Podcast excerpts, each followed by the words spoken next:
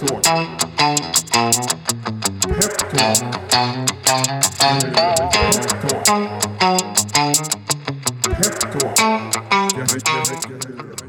Då säger vi varmt välkomna till ännu ett avsnitt av Peptalk.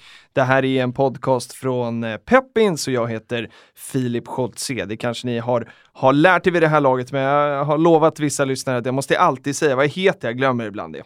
Men det är nämligen inte det viktiga, utan det viktigaste i den här podden är ju våra gäster. Eh, för till den här podden så bjuder jag in gäster som jag tycker ja, men kan hjälpa oss att på ett bra sätt eh, inspirera och utbilda kring den onoterade aktiemarknaden.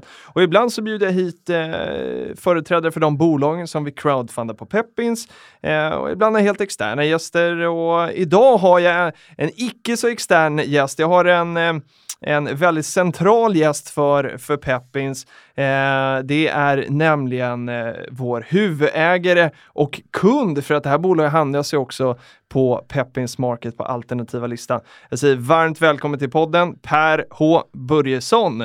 Tack så mycket. Hur känns det att vara här? Det känns jättebra. Vad tycker du om eh, studion? Är fin? Ja, absolut. Ljud, eh, specialljud. Ja, det är verkligen speciellt. Du och jag har ju poddat tidigare i, i Prata pengar en gång. Då satt vi vanligt konferensrum. Det var inte alls eh, lika fint Nej. som det här.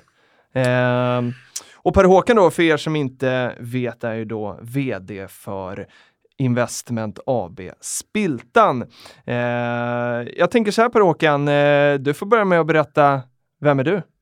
Ja, jag själv är ju då eh, läst industriell ekonomi och läst ekonomi i USA och jobbat som konsult och var på Ericsson ett tag och eh, har ju familjetag i bilbranschen. Men sedan 1997 då, då är jag heltidsanställd på Spiltan som VD då. Så, så det är väl mycket snabbt min bakgrund då. Ja, exakt. Vi tänkte lite så här att eh, eh, ha- har man lite koll på den här världen så har man säkert eh, hört din historia både, både här och där. Så vi tänkte fokusera så mycket som möjligt idag liksom på, på spiltar på verksamheten, för det är det man är ju nyfiken på. Eh, och särskilt då kanske inför att vi här på onsdag eh, den 5 december öppnar eh, handeln i Spiltan också på, på Peppins eh, Market. Idag är det 3 december när vi, eh, när vi spelar in. Men Per-Håkan, eh, vi måste ändå dra lite historia om, eh, om, om Spiltan. Vilka, vilka är Spiltan? Så man förstår, vad är, vad är ni för gäng?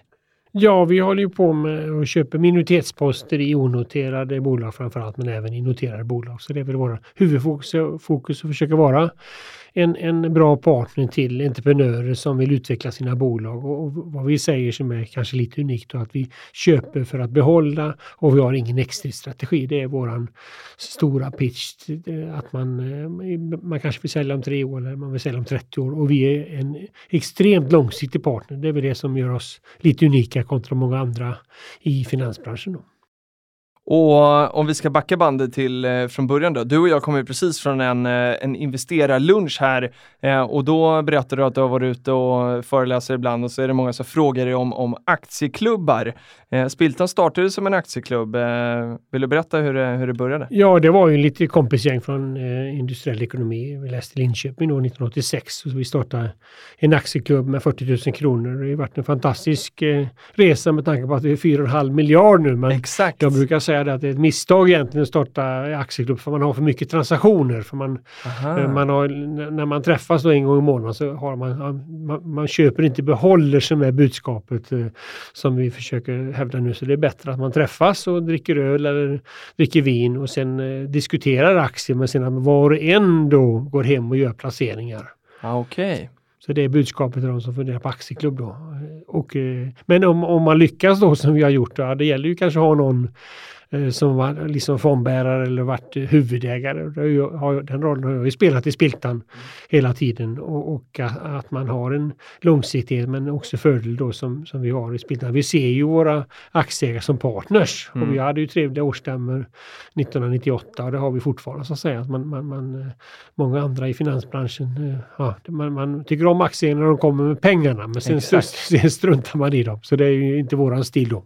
Nej, verkligen. Och, och där är ju du väldigt, eh, ja, men inte minst i den här podden nu eller i, på Twitter eller på Investerarlunchen vi precis var, du är ju väldigt eh, tillgänglig för, eh, ja, jag kan ju säga oss aktieägare, jag är också aktieägare i Spiltan. Eh, är, är det viktigt?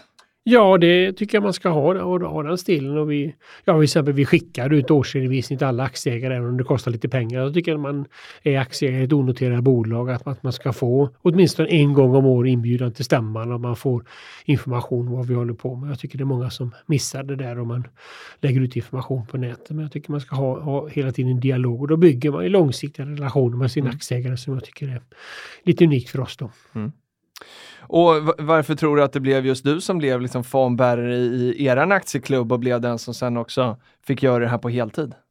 Ja, det var jag och en kompis som startade hela ja. och, och, var väl hela tiden varit största ägare, vd sedan 1986. Jag hade väl lite det, tyckte det här var kul från början. Eh, och eh, ja, från början var vi många som eh, vi hade korta, långa grupper och vi köpte och sålde, hade alldeles för mycket transaktioner. Men sen 1997, ja, då är jag kanske uppvuxen i ett eh, familjeföretag och tyckte det var kul och ville inte jobba i storbolag och hade lite idéer om hur man ska då komma åt aktier, eh, onoterade aktier som privatperson. Det var grundidén som jag hade i, i början på 90-talet och då 1997 bestämde jag mig att köra det här heltid och, och satsade egna pengar då och sen är det naturligt att man tog in sina vänner, bekanta och släktingar. Ja, mm. Lite grann som en crowdfunding kan man ja, säga, exakt. fast det var in, innan Det var innan Peppins. Så det var bara att skicka vanliga brev då.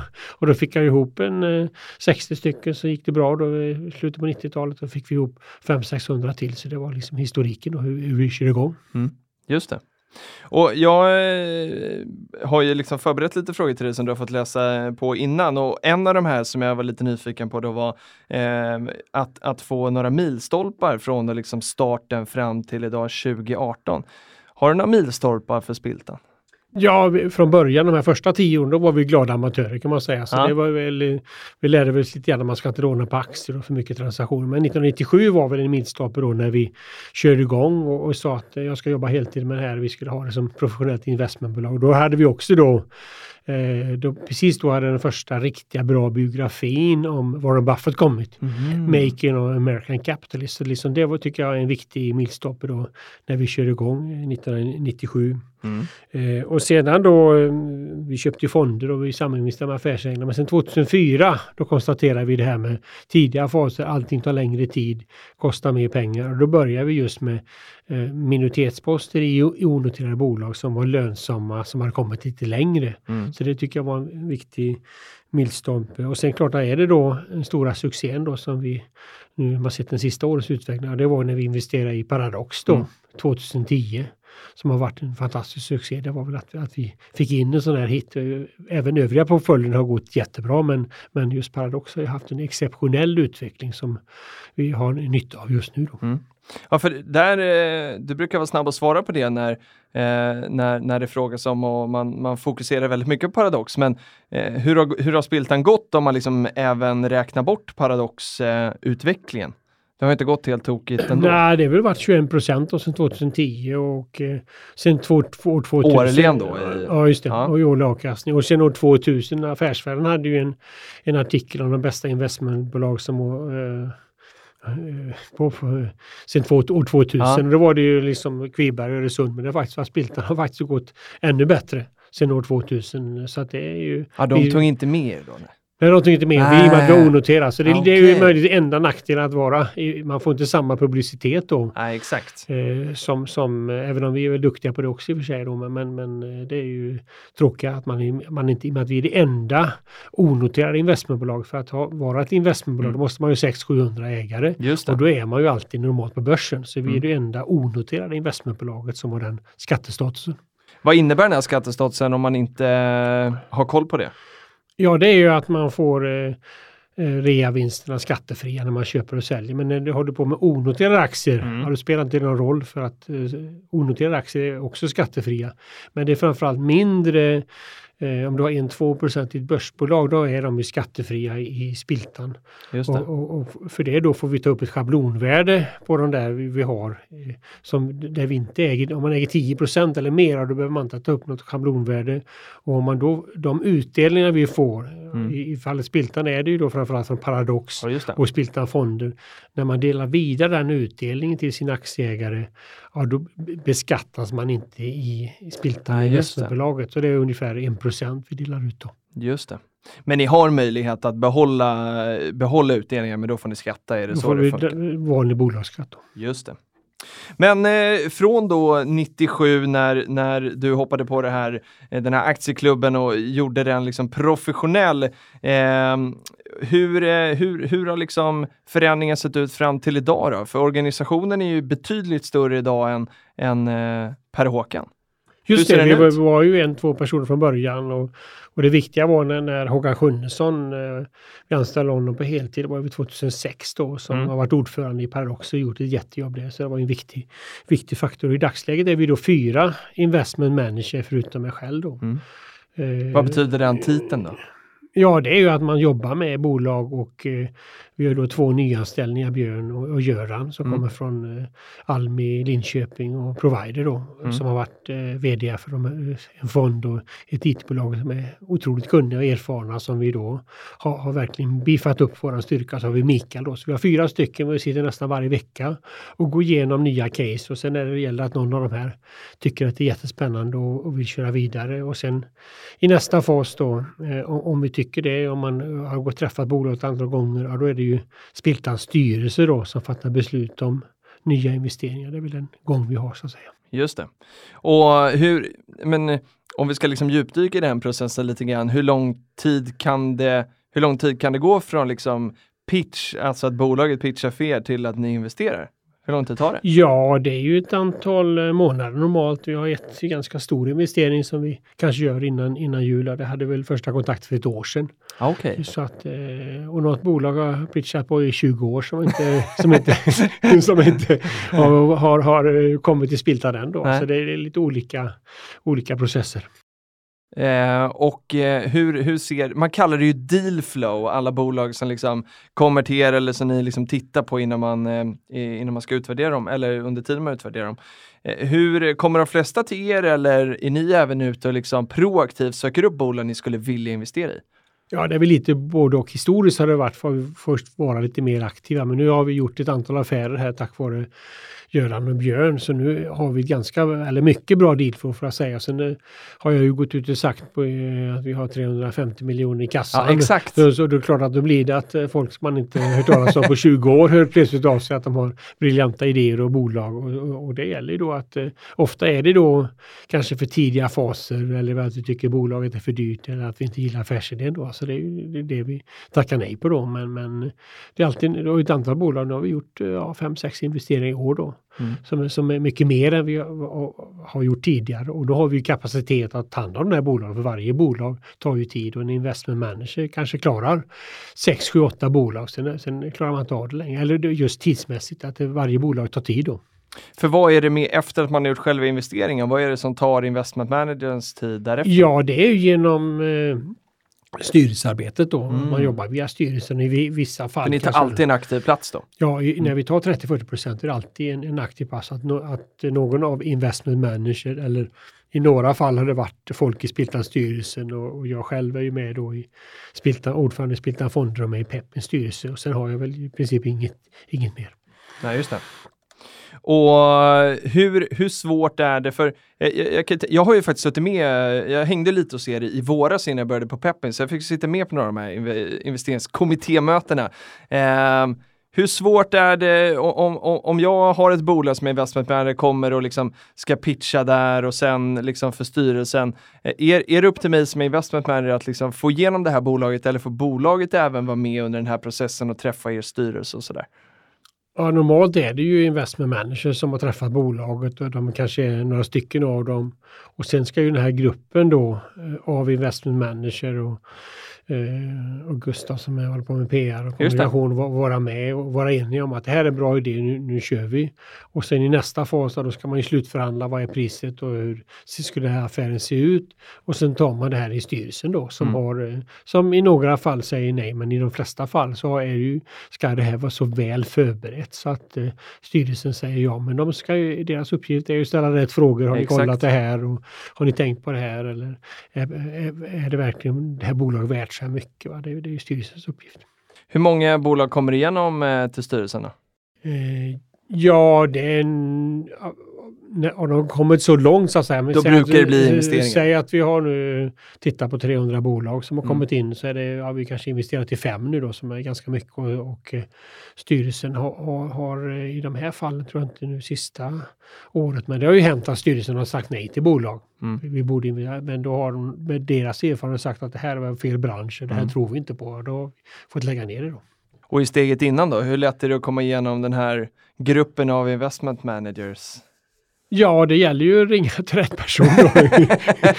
så det, vi har ju ett, vi ett bolag som eh, Noware som håller på med just med astmamedicin och som inte jag begriper så mycket om. Som tur var ringde de till Håkan då ah. och inte ringde till, till mig då för att då, då hade jag nog sagt nej direkt. Va? Men, men, det är ju ett jättespännande bolag som har ett nytt sätt att man, att man kan ha sin egen apparat eh, via, via iPhone, kolla sin lungkapacitet och hur man då ska behandla astma och, och kod heter det väl. Eh, och det hade jag nog eh, sagt nej till direkt om det kommer till mig. Så att, men nu försöker vi ha en mer strukturerad process än mm. vi hade tidigare. För då var det lite grann eh, bara jag, Håkan och lite grann Mikael då, som då var det beroende på vem man ringde till. Exakt. Så då vet man att får man nej av den ena så kan man ringa till nästa. Ja, men om vi ska gå in på portföljen då, hur, hur ser portföljen ut idag egentligen? Ja, den är ju lite extrem då i och med att, att vi har ju då haft en otrolig framgång med Paradox. Det står väl för en 67 procent av värdet. Mm. Eh, och det är att vi har ju sålt, vi hade som mest 41 procent och nu är vi nere i 22 procent. Så vi har ju sålt ett antal tillfällen och även nu sålt Eh, här innan sommaren, efter sommaren lite grann. Så nu har vi ju 350 miljoner i kassan då, det är ungefär 8 procent som vi ska investera i nya bolag. Och då har mm. vi delat upp det. Dels är det lite grann kanske eh, ganska tidiga bolag, tillväxtbolag eh, och det är ju då 5 procent av portföljen eh, som då har hög risk men har jättepotential då. Mm. Och nu är ett sådant exempel och vi nu investerar till exempel i Pickit här senast som är, eh, håller på med, man säljer bild, bildbank via Microsoft. Och det är också då, Eh, ja det är ju tidiga faser men en tillväxt och de har etablerat sin affärsmodell. Så det är ju en, en del av bolag vi har, så några sådana. Sen har vi då mer etablerade bolag både på börsen och onoterade Eh, som, som vi tycker ja, de eh, har, har potential men kanske eh, lite eller betydligt säkrare än de här tillväxtbolagen. Och sen har vi då fastighetsbolag som också har historiskt har vi tjänat jättemycket pengar och haft höga avkastningar på. Så det är väl de lite grann samma, ja, blir samma eh, idé som de här etablerade bolagen. Så det är väl, och sen har vi då våra finansiella tjänster. Mm. Det är ju både huvudägare i Peppins som är lite tidigare fas och sen är vi då huvudägare, äger 80 procent av Spilta Fonder som är, har ju haft en fantastisk resa. Verkligen. Och Spilta fonder är intressant för apropå långsiktigheten där så, eh, så vet jag att du har berättat för mig i alla fall att eh, eh, så framgångsrikt som Spilta fonder i, idag har det inte alltid varit. Så långsiktigheten där har väl varit jätteviktig för er som mm, Nej, det, och det ser man ju. Där, det är både Spilta fonder och alternativa som nu har blivit mm. Pepins var vi med och startade. Och det är klart att under 80-talet eller under 2000-talet, då fick vi stoppa in pengar ett antal gånger i båda de här bolagen eh, som har blivit framgångsrika. Vi startade även två andra bolag i finansbranschen som vi lagt ner. Mm. Så det visar just, man måste vara långsiktig och, och som jag sa tidigare, när man startar bolag, tidiga faser tar längre tid och kostar mer pengar. Men sen då om man lyckas, ja då är ju Spiltan Fonder ett, eh, en fantastisk succé nu som vi får utdelning kanske nästa år på en 30-35 miljoner mm. och det är tre gånger mer än vad hela det kostar att driva hela Spilta till exempel. Så det är ju en fantastisk succé då. Verkligen. Och jag vet att du brukar säga att, eh, att sälja Paradox varje gång ni har gjort det brukar vara er sämsta investering. Ja, så har det varit historia. Nu sålde vi i för sig några. Nu gjorde ni i, i i, tid. I juni var, ja. det, var det lite grann var det högre kurs än nu då, men historiskt sett har det, har det varit det då. Ja. Och är det där, eh, är det svårt att liksom hantera det där när man har en så stor, eh, så stor del av portföljen som är ett bolag? Jag tänker på riskspridning och sådana saker.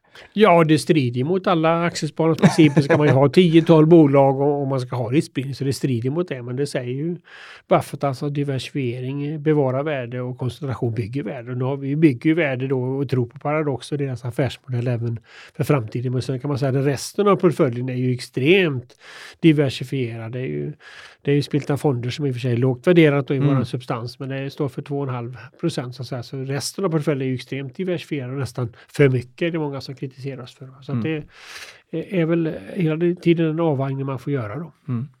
Vilken tycker du är den största skillnaden med att investera i noterade eller onoterade bolag? Vi har ju många lyssnare som, eh, som, som tycker att det är spännande med onoterade investeringar. Man kanske har erfarenhet från, från börsen. Vad tycker du är de största skillnaderna mellan att investera på börsen eller onoterat?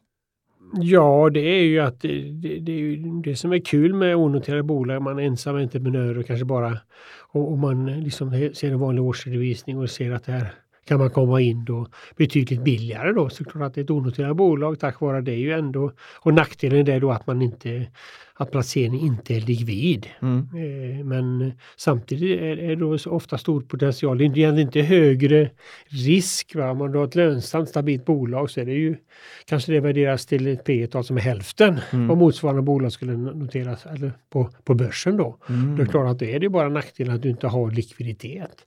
Om du kan vara med på den här resan så är det ju jättespännande då.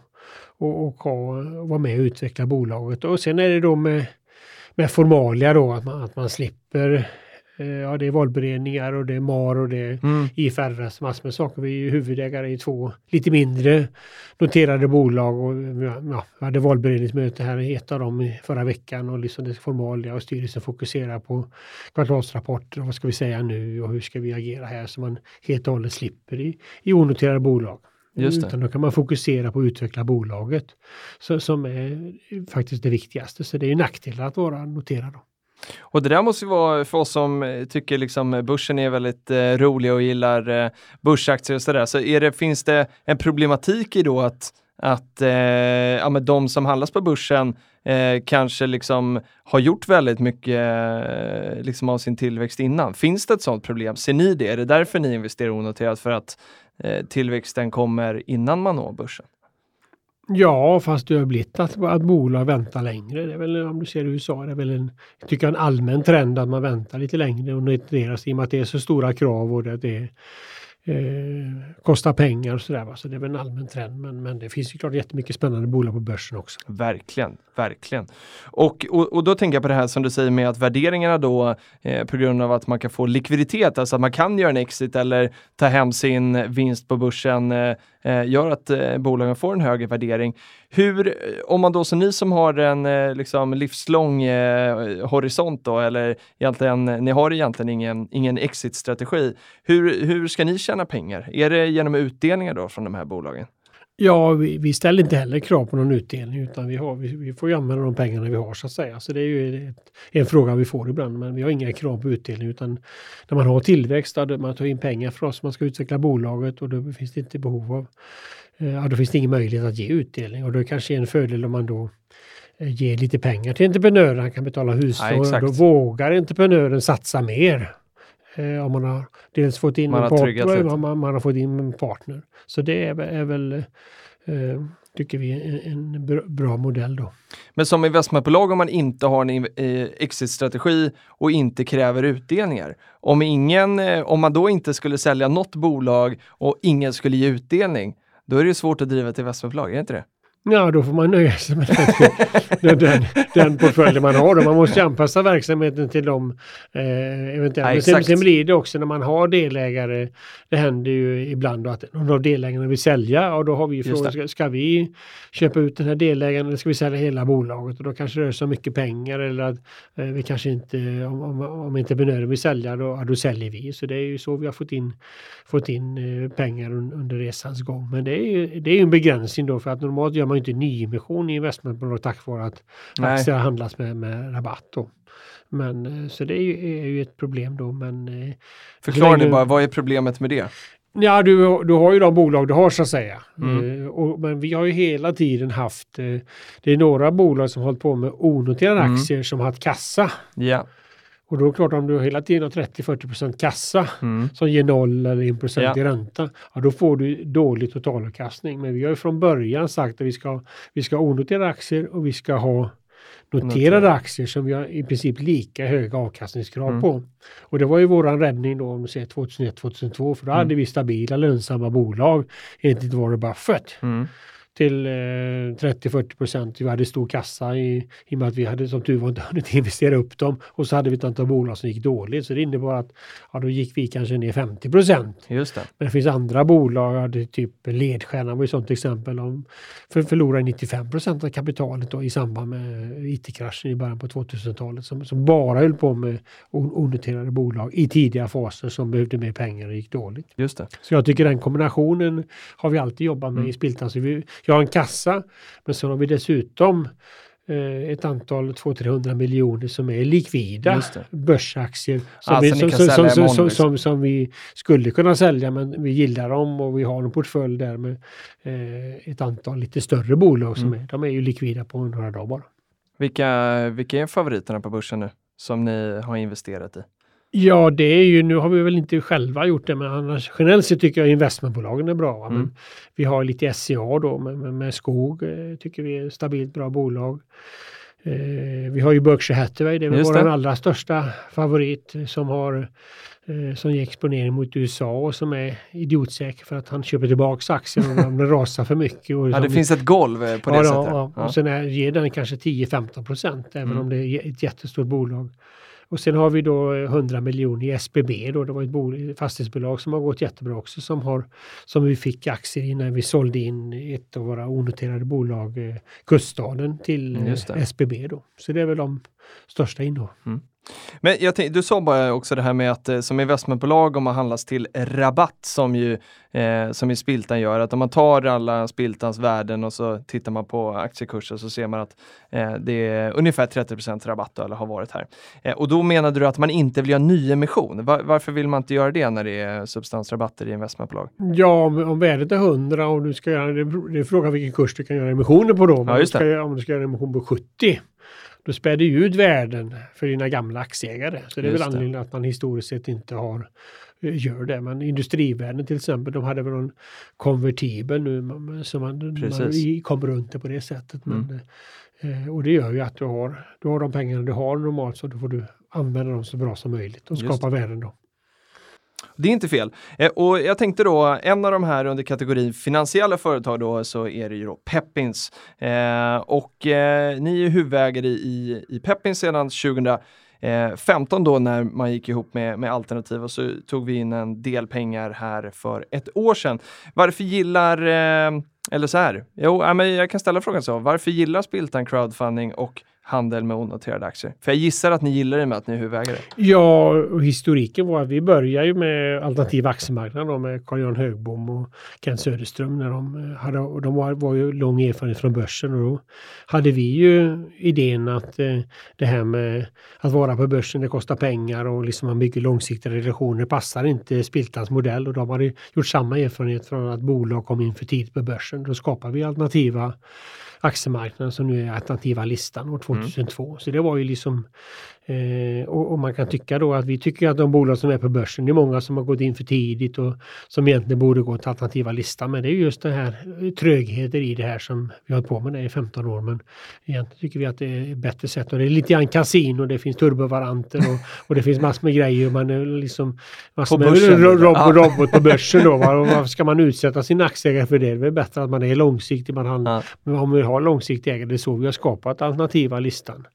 Eh, och, och, eh, som är då ett affärsområde i Peppin som, som vi gillar och mm. som, som vi verkligen tycker är det bästa sättet att, att uh, ha handel på. Mm. Och sen då när, när det här idén med Peppins kom från Anders Sjunnesson så tycker vi det är en utmärkt idé att man får både in aktieägare och pengar. Och det var ju så vi gjorde från början. Mm. Spiltan var kan man säga var en equity crowdfunding ja, eh, både 86 och 97. Så vi, vi gillar ju den modellen och vi ser aktieägare som partner och det är de här bolagen Eh, som nu tar in pengar. Att man får, och just det, och det viktiga tycker jag som, som jag alltid påpekar är, är ju då tack vare Stakeholders Club och att mm. man får e-mail, att man kan kommunicera med Exakt. sina aktieägare. Och det är liksom, jag brukar skämta om vad får jag för information från stora börsbolag? Jag får 200 sidor med varav 160 sidor är sådär IFRS som inte jag orkar läsa. Och så står det en lapp, skickar du inte in den här lappen så får du, ingen, får ingen, mer. ingen mer information från oss. Det är ju det sätt man kommunicerar. Sen har man stämmer på en torsdag klockan 14 Mm. pensionärer inte kan,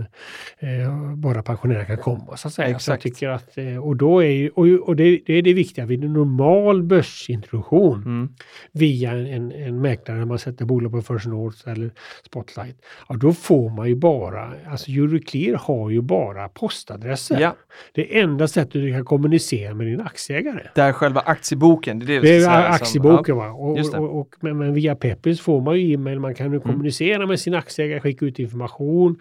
Det finns en, en sajt där på, nu på Stake och Cloud där Exakt. man kan lägga in kommentarer, man får frågor och som är öppet för alla. Va? Så det, är- det är ju en helt annat sätt att, att använda aktieägarna som jag tycker är eh, excellent. Mm. Ja, för det där är, det, det är ett jäkla otyg det här, eh, vi som gillar eh, börsen och tycker det är kul att gå på stämmor och så har man jobb och annat som gör att man inte får gå på de här eh, stämmorna. Det är väldigt tråkigt och där kan vi passa på också att berätta om eh, den trevligaste stämman som finns i det här landet. Vilken är det? Ja, vi försöker i alla fall med Spiltan stämma då, så vi har, vi har så ungefär, förra året var det 600 aktieägare av 3000 då, så det är väl 20 procent och vi har en, eh, vi hade seminarium om ja, både. Peppin, Peppins och eh, Spiltan Fonder hade sparseminarium, vi har en frågestund med vd, vi hade en film, det var lite inspirerad av Warren Buffett då från USA, vi hade gjort en film, vi har en eh, eh, formell stämma då givetvis och sen har vi även delar vi ut ett pris till en entreprenör som gör från en annan entreprenör och sen delar vi ut någon present brukar man få. Vi har eh, fin lunch med Ja, vin och öl brukar man få också. Det är till och med bättre än Buffers stämma.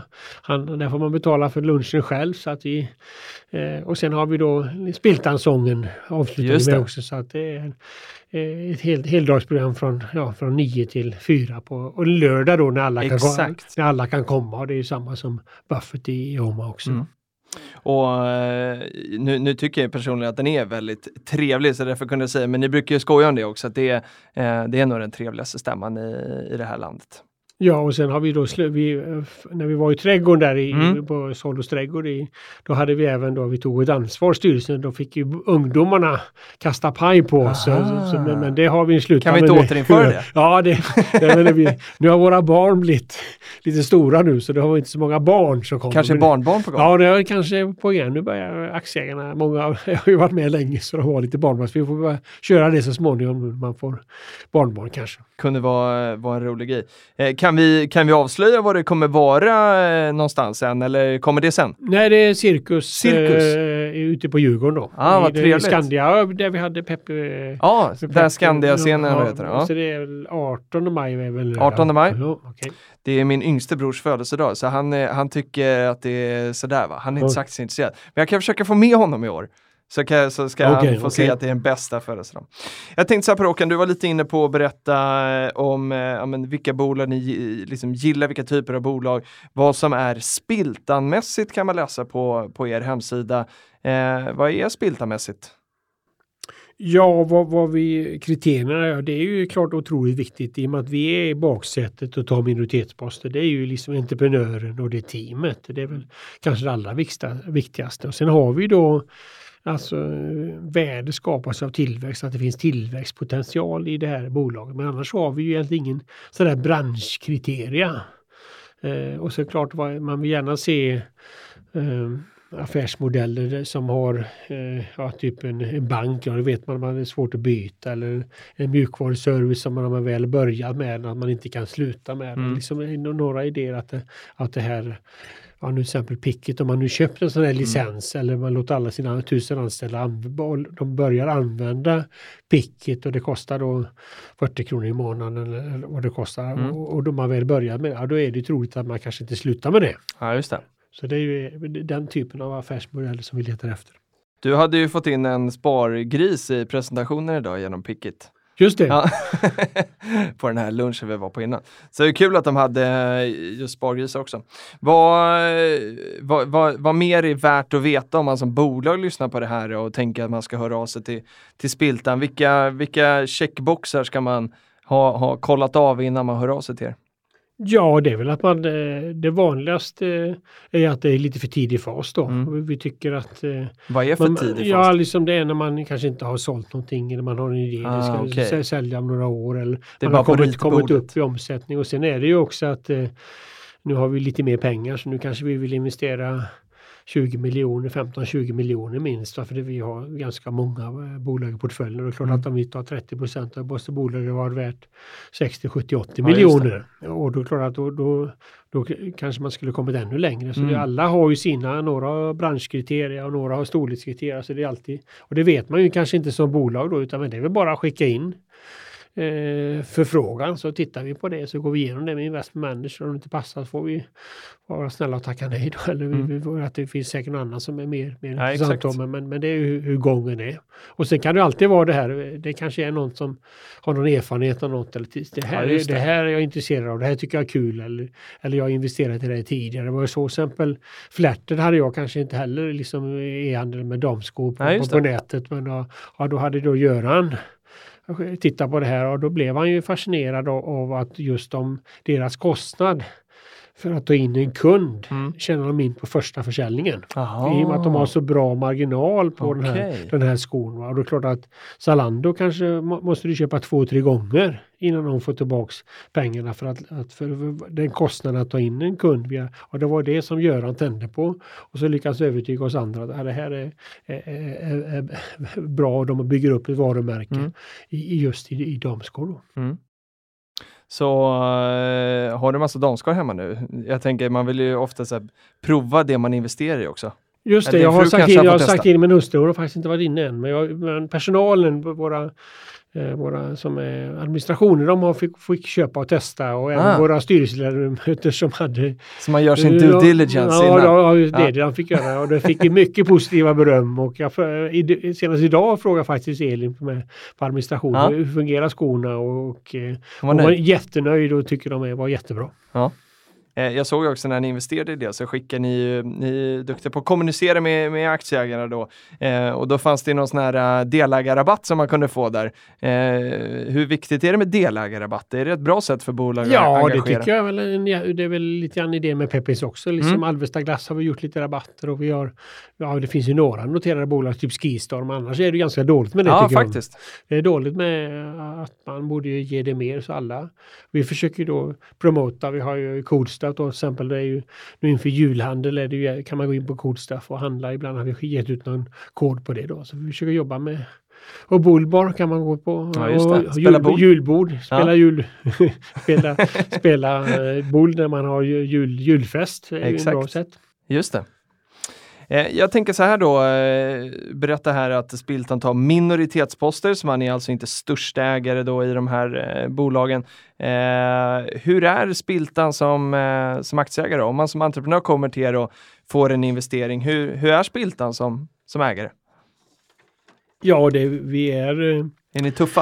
Eh, Nej, vi är nog ganska snälla då. Och sen är vi framförallt långsiktiga då. Mm. Vi köper för behålla vi ingen exit-strategi. Det är väl det som är, gör oss unika. Och sen eh, tycker vi det är viktigt att eh, då ändå vara schysst mot entreprenörerna för det sprider sig. Mm. Och det är liksom det är samma som eh, Buffett säger, det tar liksom 20 år att bygga upp ett rykte. Du kan förlora det på 20 sekunder Exakt. om, om du gör felbeslut. Det tycker jag hela tiden vi ser av Volkswagen med dieselskandal Mm. och liksom Danske Bank. Vi ser ju hela tiden även stora bolag som gör bort sig och det är klart att man hela tiden tänker på det. Är det här lämpligt? Och det är klart att om vi då gör en entreprenör förbannad och, och då är det klart det sprider sig det Mm. bland entreprenörer. Så vi är, vi är nog kanske till gränsen lite för snälla då i, i, istället. Men, men vi tror att vi bygger ett rykte och vi har, jag tror att du kan ringa runt till de här 20 entreprenörerna och jag tror alla är nöjda med att ha Spiltan som delägare och, och tycker det är jättekul. Vi hade nu en lite sån här lite informell uh, vd-tillställning. Ja, alla nu för några veckor sedan Mm. och alla var jättenöjda och tycker det är jättekul. Vi hade en trevlig middag och, och just att de skulle kommunicera med varandra och vi hade liksom ja, typ eh, projekt, hur ska vi in i USA? Det är ju, har till exempel Mm. Picket varit, varit, varit duktiga på då, så att, och några andra bolag som står inför de utmaningarna. Mm. Så vi försöker få, få lite cross-kompetens då så att säga bland de här bolagen då. Jag pratade med våran vd Julia dagen efter hon hade varit där. Hon, hon var verkligen nöjd och sa att, att det hade liksom bubblat massa spännande liksom, idéer mellan bolagen. Så att, eh, det låter som att, ni, som att ni lyckades. Om vi tittar på den träffen då fem år fram i tiden och vilka det är som deltar på en sån här eh, portföljbolags vd-träff. Eh, vilka är det som kommer vara på plats då? För min fråga är, hur kommer Spiltans portfölj se ut om fem år? Ja, jag tror att många av bolagen vi har idag kommer vara kvar. Va? Och, eh, eh det är lite grann eh, kommer det fler, kanske någon, mer investment manager så vi kommer bli större och större då. Att vi, för vi, tanken är ju att investera den här kassan i nya onoterade bolag då. Mm. Sen är frågan det här med vikten, det kan man ju fundera på då hur, och det är ju klart att vi är beroende då av, av hur Paradox utvecklar sig men även om vi sålt av aktier i och med att Paradox faktiskt har stigit mer än de andra bolagen så har ju den andelen ökat även om vi har sålt lite då och då under de sista två åren sedan börsnoteringen. Så det är väl en fråga men jag skulle tänka på att Paradox kommer vara en stor andel av portföljen men kanske lite mindre om vi lyckas med några av de här nya tillväxtbolagen. Då kanske vi har någon mer raket i den här portföljen som man ser portföljtekniskt men framförallt fler bolag då. Mm. Och sen tänker jag att vi skulle ge lite tips till de som lyssnar på podden som, eh, som eh, nu har möjlighet att och lyssna till någon som har investerat onoterat jättelänge. Vilka är dina liksom bästa tips eh, om man ska investera onoterat som man ju kan göra via Peppins eller genom att investera i Spiltan. Det finns ju massa olika sätt eller man har någon kompis kanske som man kan investera i och sådär eh, som startande bolag. Vilka är dina bästa tips? Ja, det stora misstaget som de flesta gör det är just när kompisen kommer. Aha, det är livsfarligt. Det, ja, det kan ju vara bra va? men då, då är det liksom, eller din granne kommer så säger han att alla andra grannar satsar 100 000, jag ska starta det här bolaget, du gillar personen, mm. Eh, du, du, begriper affärsidén och tycker det är spännande men de tjänar inte pengar. Va? Nej. Så det kommer troligtvis ta mycket längre tid och kosta mer pengar och vad frågan är, vad, vad är värdering på det här bolaget? Mm. Och det, det, tror jag, och så satsar du då 100 000 kronor kronor. Mm. Det är mycket det, pengar. Av, av din för, för, totala förmögenhet i aktier kanske på en miljon. Ja. Då satsar du 10% på ett bolag. Mm. Och då vill jag påstå att så ska man inte göra utan du ska du kanske satsa eh, 50 bolag och 2000 kronor ja. via, via Peppins då för att det är ingen som vet vad är, vad är det som slår. Nej. Är det rätt värde på de här bolagen? Det är jättesvårt. Det finns inget rätt och fel.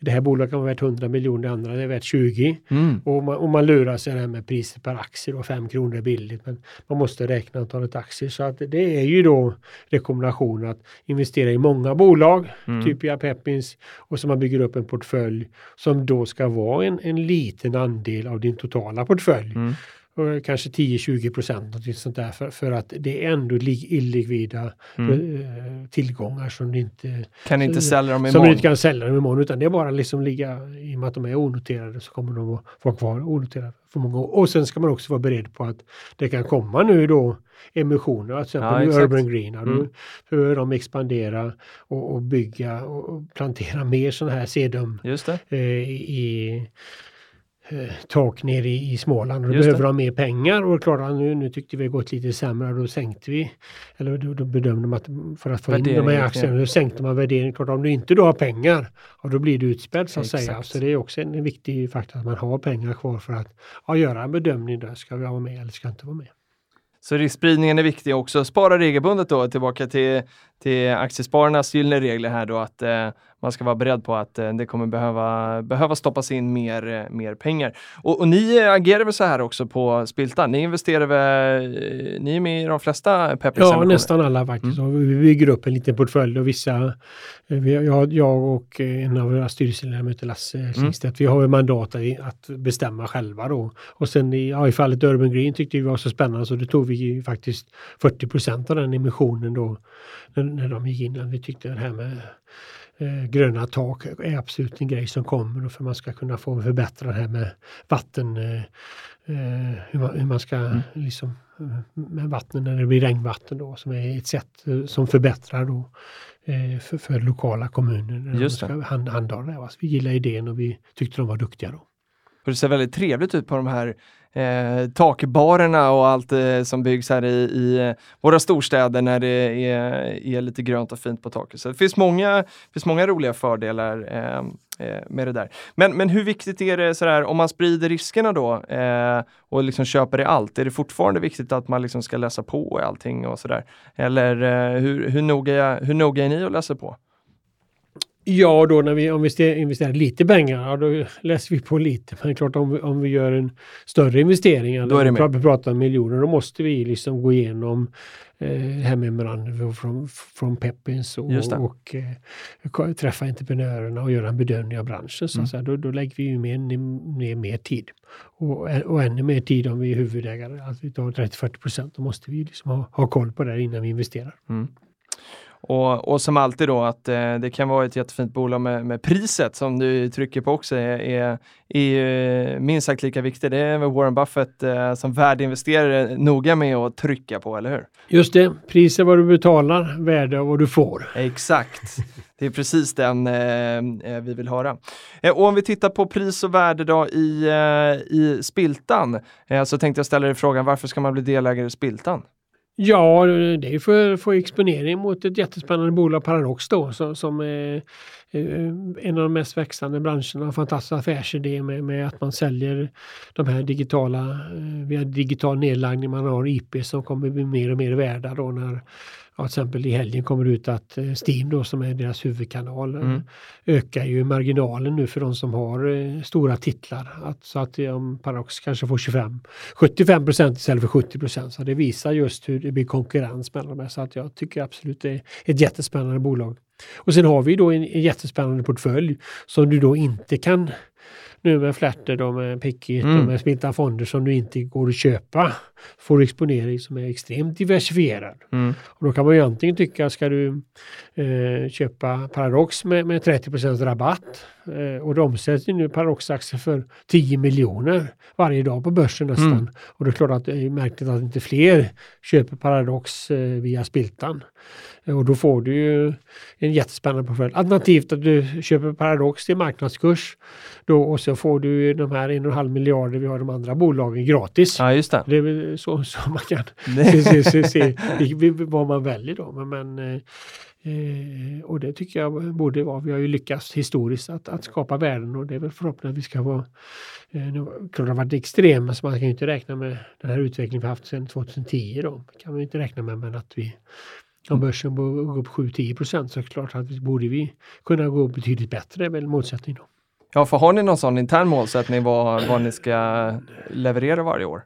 Nej, men liksom nu ser, om vi ser nu 2010 har vi klarat resten av portföljen 20 procent, 21 procent så det är ju fantastiskt om vi kan klara 15 procent till exempel. Då har du dubbelt så mycket pengar om, om fem år. 20 Exakt. procent har det bara fyra år, dubbla Mm. pengarna. Så det är klart att det, det är någonstans där man borde få när man investerar i onoterade bolag i och med att det är då en, likviditetspremie man får för att man får en illikvid tillgång. Hur mycket av den här uh, illikviditeten tror du har med, med substansrabatten eh, liksom, att göra? Eller tvärtom, hur mycket av substansrabatten har med illikviditeten att göra? Ja, det är ju en faktor och det är det att vi inte har splittat aktien då. Det brukar du påpeka. Ja, jag brukar säga till det att det är dags nu. är dags. och vi kör ju det här med att pizza blir inte större när man delar på den. Och, och Men den blir inte heller mindre svarar jag då. Okej, ja, du...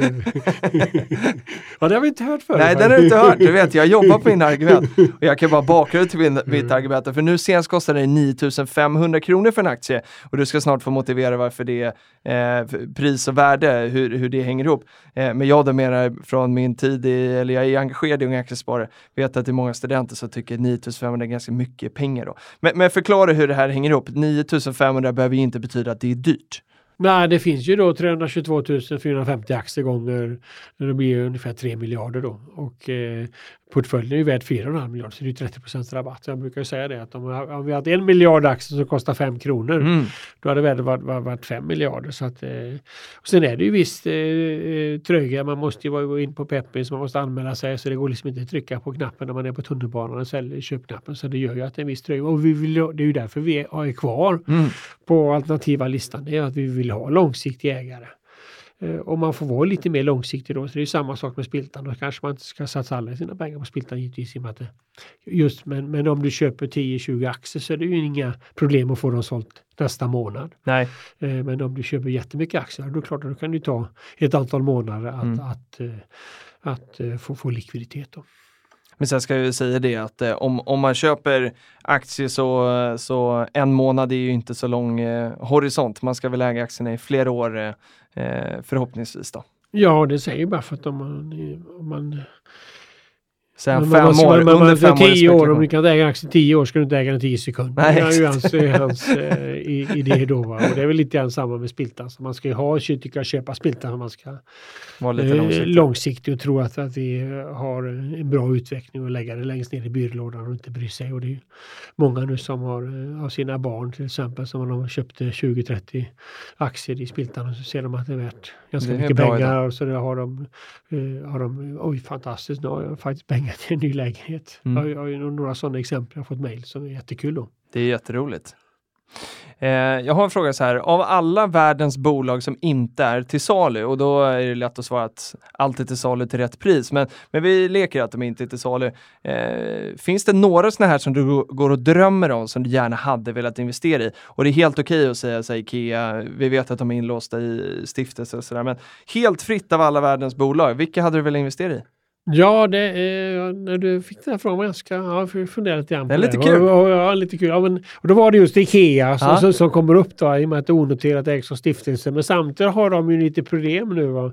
Med, med, de börjar med e-handel och det kanske är nytt Hennes Mauritz. Jag skulle nog inte vara kanske lite tveksam. Det är ju alltid det med värde då. Mm. Utan eh, då skulle nog faktiskt gå till eh, FBN, alltså vi, har ju ett familjeföretag i bilbranschen, nu är vi med i FBN Family Business Network. Okej. Och där finns det ju ett antal familjeföretag. Aha. Och de är ju fantastiska för de pratar ju inte du, på börsen är det Ja, kvartalsrapporter det. och, eh, och de pratar vilken generation är man. Mm. Och, klart att, Okej. och då funderar jag på vilka har jag träffat där? Och, och till exempel har vi Einar Mattsson som äger bostadsfastigheter i centrala Stockholm. Just det. Eh, Stenhus, det, det tror jag är ett, ett fantastiskt bra bolag. Mm. Eh, Jag har varit på familjebesök, man har sådana hemma hos där man får träffas och Okej. diskutera. Jag har varit på Löfbergs i, i, Karlstad och jag Ja. har varit på besök och det är också en, eh, eh, tycker jag, bra varumärke och kaffe kommer vi dricka. Skulle jag kunna vara inspirerad och, och eh, eh, investera i. Och sen har vi då en liten, sen har vi Ludvig Svensson Ludvig Svensson. i Kina Jaha. som är en, en gammal konfektionsindustri som numera är då eh, Eh, de gör alltså väv för växthus. Okej. Och det här bolaget är då en liten, liten nisch. Och nu då när man håller till exempel i Kanada håller på med Ja, cannabisodling, det. då måste man ha med sån här, såna här eh, eh, växt, Väv. väv då för växthus. Och det här är ju spännande. Vi som är lite äldre kommer ihåg att eh, förr på, på 60 och 70-talen då åkte alltid Olof Palme till Ludvig Svensson i Kina för att kolla hur var, hur, var, hur var konjunkturen. Ja, då, då var han alltid där. Så de är kända av oss som är lite äldre. Så det där bolaget tycker jag skulle vara spännande att investera. Så här har du tre, Kul! du tre bra bolag. Vad roligt det var, så den här frågan ska jag ta med mig eh, framåt. Det är lite kul att få tänka på det man, man inte når. Kina, det är när jag för Borås någonstans. Ja, jag kommer från Hyssna då som ligger en, jag är född en mil utanför eh, Kina då, så därför jag har Ah, det därför jag extra där eh, klappa hjärtat för Ludvig Svensson. Ja, just det. Kul! Eh, min sista fråga för eh, dagen blir vem du tycker att jag ska bjuda in härnäst. Har du några bra tips på någon jag borde bjuda in till den här podden? Som kan hjälpa Ja, nu har inte jag kollat med honom men jag eh, tänkte Håkan Sjunnesson faktiskt. Oh, Så han, bra! han, han, är ju, han låter mig uttala mig hela tiden och, och eh, Ja, jag för springer nu. journalister. Men han har, har en låg profil. Ja, Men verkligen. hur han har jobbat med Paradox och det jobb han har gjort eh, sedan han, vi gick in då 2010 eh, tycker jag har kommit alldeles för mycket i skymundan. Mm. Eh, så det tycker jag, om, om man ställer upp på det, men han Jag tror skulle eh, vara spännande. han ingen van nu. Ja, så det var, det var en idé. Men nu glömde jag kolla med honom i morse faktiskt. Men, men det, Det här är ofta det bästa när man lovar någonting Ja, först och sen ja, frågar ja, man. det. Jättebra tips! Eh, Håkan är varmt välkommen till, eh, till Peptalk och du Per Håkan är varmt välkommen tillbaka. Jag tänker att vi kan väl göra avstämningar här lite då och då så vi ser hur det går för er. Eh, och eh, när behöver man bli delägare sist om man ska gå på den här eh, eh, årsstämman då? Ja, det är ju Det inte räcker med månaden april, innan. Så att säga. Så det är ju ett tips som man kan köpa eh, bara en ax. Det går ju bra också. Så att vi försöker eh, är ju trevligt på alla, all- alla eh, tycker trevligt med alla aktieägare. Och sen får vi se då att, hur, hur det går. Men jag har ju långsiktig syn på det här och jag har inga planer på att gå i pension. Och så vet man Ja, aldrig det är när man, när man, har, när man blir gaggig eller hur man eh, liksom hälsan och sådär. Men jag ju, kör ju, ska ju försöka köra lite grann. Buffett han är ju 89 år nu. Exakt. Han, han har, har jag, jag, har inte några år kvar dit så att säga. Han tycker det är kul att hålla på så att det är min målsättning då. Men man vet som sagt aldrig och eh, om vi kan ha en liknande resa är ju fantastiskt. Eh, det ska vara jättespännande och vi har ju lyckats bra så här långt. Jättebra. Härligt slutord. Jättetack Per Håkan. Vi eh, hörs och ses igen. Tack så mycket. Ha det gott. Hej. Hej.